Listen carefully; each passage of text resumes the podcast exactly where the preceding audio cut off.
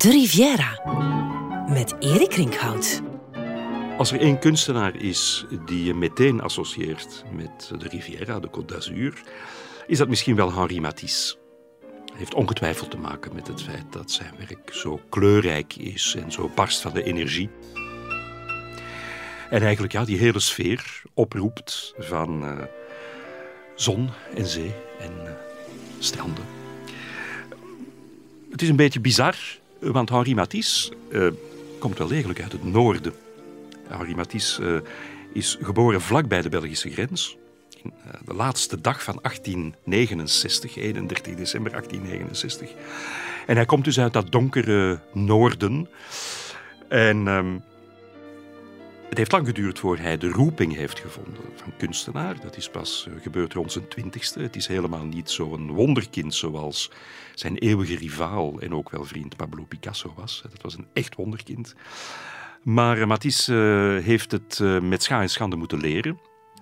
Uh, was ook voorbestemd om ambtenaar te worden, zoals zo typisch bijna is voor heel veel kinderen uit Franse gezinnen. Hè. Je moet een goed beroep leren, dus word maar ambtenaar of advocaat of notaris. Hij is uiteindelijk kunstenaar geworden, heeft een opleiding gekregen in Parijs, waar men, en dat ligt eigenlijk een beetje voor de hand, waar men hem bestempelde als Le Belge of Le Flamand, samen met zijn toenmalige boezemvriend Henri Evenepoel, die uiteraard ook uit het noorden kwam. Hoewel Evenepoel in Nice geboren was, maar Evenepoel was ook een Belg en schilderde dus ook aanvankelijk donker. Maar daar gaan we het eigenlijk niet over hebben, want we willen het over de Matisse hebben die neerstreek aan de Côte d'Azur. Door het feit dat hij uit het noorden kwam, heeft hij twee musea die aan hem gewijd zijn. Er is een museum aan hem gewijd in zijn geboorteplaats, Le Cateau Cambrésis, vlakbij de Belgische grens, ook vlakbij Valenciennes. En dat andere natuurlijk in Nice, de stad waar hij overleden is in 1954. Maar we moeten eerst naar Collioure. We moeten eerst helemaal naar de andere kant van de Côte d'Azur en van de Middellandse zeekust. Maar daar is het eigenlijk echt begonnen voor Henri Matisse.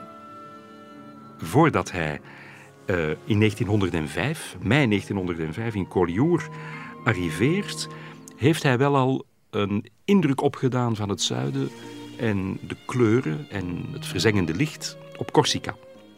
Maar daar blijft hij niet lang. Hij gaat terug naar Parijs en hij reist dus in zijn eentje mei 1905 naar Collioure, waar men hem met grote ogen bekijkt. Want hij is een man die daar in een mooi maatpak arriveert. En Collioure is op dat moment een klein vissersdorpje, helemaal geïsoleerd van de buitenwereld. En dat is hetgeen wat natuurlijk uh, Matisse zeer erg aantrekt. Als hij daar aankomt, wordt hij bijna met blindheid geslagen door het intense zonlicht en de hevige kleuren. Collioure is zeer zuidelijk, ligt bijna tegen de Spaanse grens. En in zijn doeken probeert Matisse die sensaties vast te leggen door, tussen aanhalingstekens, onrealistische kleuren te gebruiken. De heuvels schildert hij roos, de daken oranje, de zee groen. Eerst verblijft hij vlakbij het treinstation, het Hôtel de la Gare, waar nog steeds een plaquette hangt die zijn verblijf memoriseert. Maar hij heeft het daar zo naar zijn zin dat hij na enkele maanden vraagt aan André Derain om hem te vervoegen in Collioure, om samen met hen te gaan schilderen. Ze werken daar samen en ze jutten elkaar op. De schilderijen die ze daar maken zijn wild en woest. Derain spreekt van de kleuren werden staven dynamiet. Het is met andere woorden een vuurwerk van zotte kleuren die zich losmaken van het voorwerp waarmee ze altijd al geassocieerd waren, waarmee ze altijd al verbonden waren. Vanaf het moment dat die schilderijen iets later getoond worden op de herfstsalon in Parijs, 1905, is het publiek woest. En de kunstcritici ook. Louis Vaucel schrijft over Derain en Matisse dat het des fauves zijn, wilde beesten. En de term fauvisme was dus geboren. Collioure is nog altijd een klein charmant vissersdorpje, weliswaar zeer toeristisch op dit moment, maar het heeft zijn sfeer van toen bewaard. En het leuke is dat je nog altijd een wandeling kan doen. De Ballade Fauvisme. En die kun je maken langs alle plekken waar de twee schilders hun ezel opgezet hebben. Dus je vindt uitzichtpunten, daar hangen reproducties van hun panoramische schilderijen. En dan kun je wandelen door de Rue Bellevue. Ja, de naam alleen al. Rue des Caranques, de boulevard du Bord à Mar. Dus je hoort het, het is natuurlijk in het Provençaals. Het is de rand van de zee hè, waar je dan wandelt. En het voetpad langs het Château Royal, waar ze allemaal geschilderd hebben.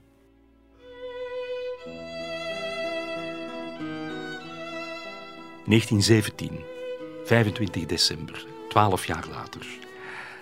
Matisse gaat terug naar het zuiden. Maar deze keer is het Nice. Hij heeft even een tijdje doorgebracht in Marseille, waar het weer zeer slecht was, waar het koud was en waar hij een zware bronchitis heeft opgedaan. En hij arriveert in Nice op 25 december 1917. En je kunt het je moeilijk voorstellen, maar het weer is slecht in Nice. Het regent bijna onafgebroken en op 31 december sneeuwt het zelfs. Matisse had zijn verblijf en zijn aankomst in Nice wel helemaal anders voorgesteld. Hij doet het ook heel eenvoudig. Hij huurt een eenvoudige kamer in Hotel Beau Rivage.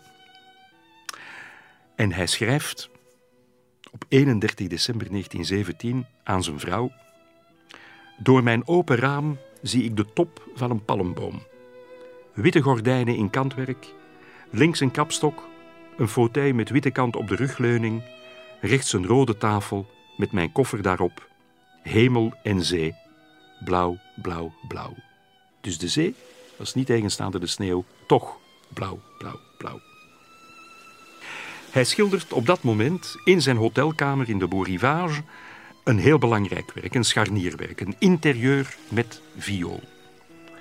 Oorspronkelijk schildert hij dat heel lieflijk. Hij is absoluut niet tevreden en hij schildert het werk kapot, bij wijze van spreken. Hij maakt de kamer zwart. Hij laat het licht binnencijpelen tussen de blinden van een vensterluik. Het is eigenlijk zijn eerste nieuwe werk dat hij daar schildert. Nis zal van zeer grote invloed blijken op zijn werk. Hij zal in Nis terugkeren en hij zal zich uiteindelijk vanaf 1935 permanent in Nis vestigen. Aanvankelijk in steeds wisselende hotels, daarna voor een appartement op de Place Charles Félix nummer 1. En dat is in de oude stad vlakbij de Bloemenmarkt. Maar het belangrijkste adres voor Matisse in Nice is het Hotel Regina. Waar hij in 1938 een ruim appartement huurt samen met een atelier. En over dat Hotel Regina moeten we toch even ook iets vertellen. Dat was ooit een monumentaal luxe hotel geweest met 400 kamers, opgetrokken in 1897 bovenop de heuvel van Cimier, een beetje buiten Nice, een beetje meer in het binnenland. Dat werd gebouwd in een periode waarin het luxe toerisme boomde en adel en burgerij uit het hele Europa in het zachte klimaat kwam overwinteren. Regina was speciaal gebouwd voor Victoria, Queen Victoria, die er drie keer met haar uitvoerige hofhouding neerstreek. In de tuin voor het hotel staat er trouwens nog altijd een monument ter ere van haar. Door het opkomend massatoerisme en de beurscrash van 1929 ging het hotel failliet. En toen Matisse er ging wonen, waren de 400 kamers al omgebouwd tot appartementen. Hij kon dus een appartement, een ruim appartement huren en daarnaast nog één waar hij zijn atelier in kon onderbrengen. Hij zal daar niet altijd blijven. Want de Tweede Wereldoorlog breekt uit. En hij is zeer bang voor de bombardementen, dat Nice gebombardeerd zou worden. En hij gaat in 1943 meer in het binnenland wonen, in Vence. En hij huurt daar Villa Le Rêve. Villa die nog steeds bestaat en die ook wij, stervelingen, nog steeds kunnen huren om er te verblijven in de sfeer van Matisse. Het is een villa in Engelse koloniale stijl. Hij hield van deze villa omdat hij er overvloedig licht had en een weelderige tuin, die hem qua vegetatie en geuren zelfs deed denken aan zijn reis naar Tahiti.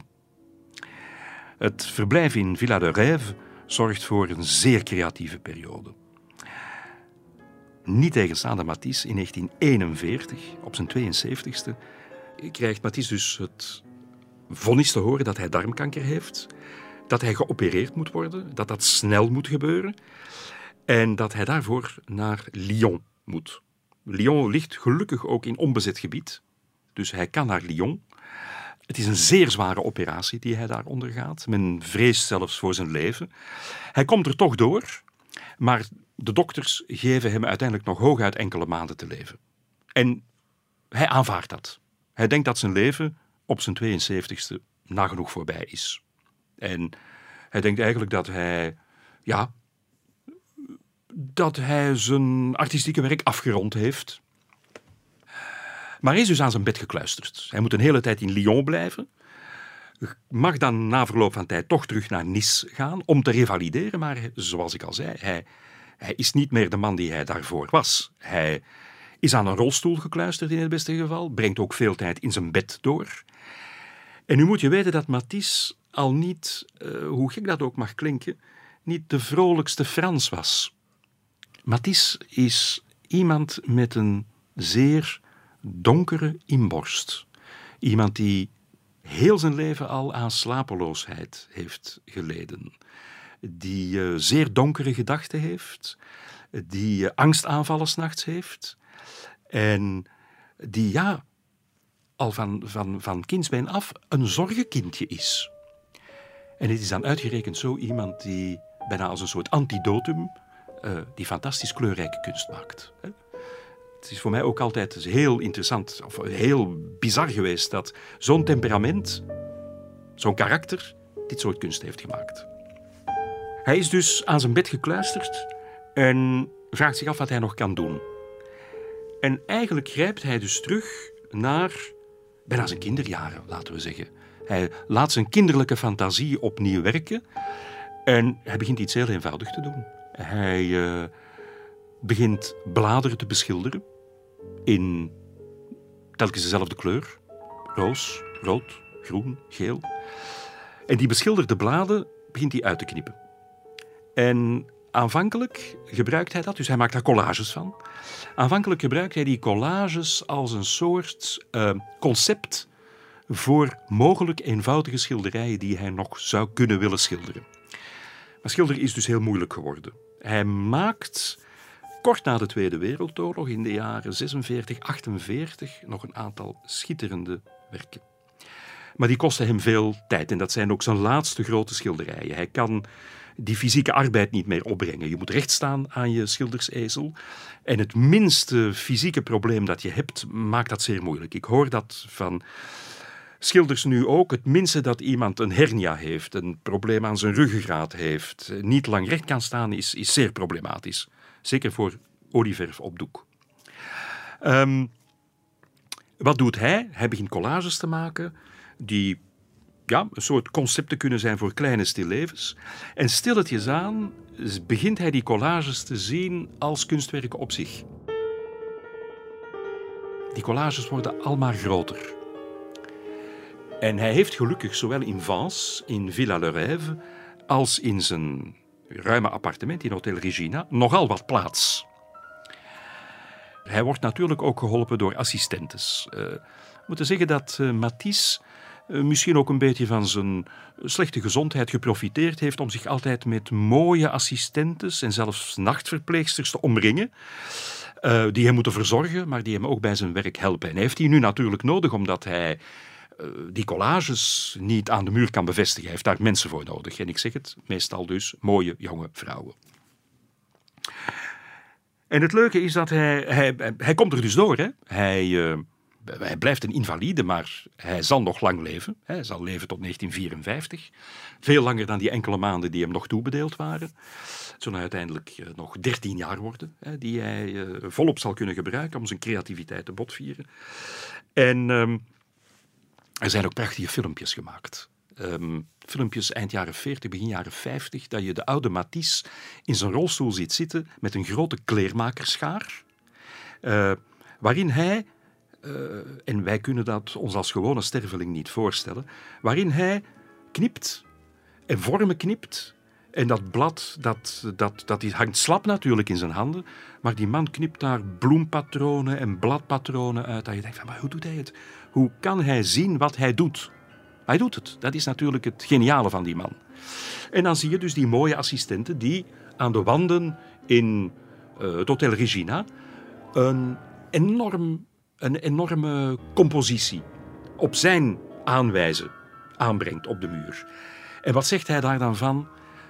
Ik kon niet meer wandelen, ik kwam zelden buiten, maar ik heb mijn eigen tuin gecreëerd in mijn appartement. Een van die hele mooie nachtverpleegsters is Monique Bourgeois. En Monique Bourgeois is, uh, zoals dat vaker gebeurt bij hem, een verwante ziel.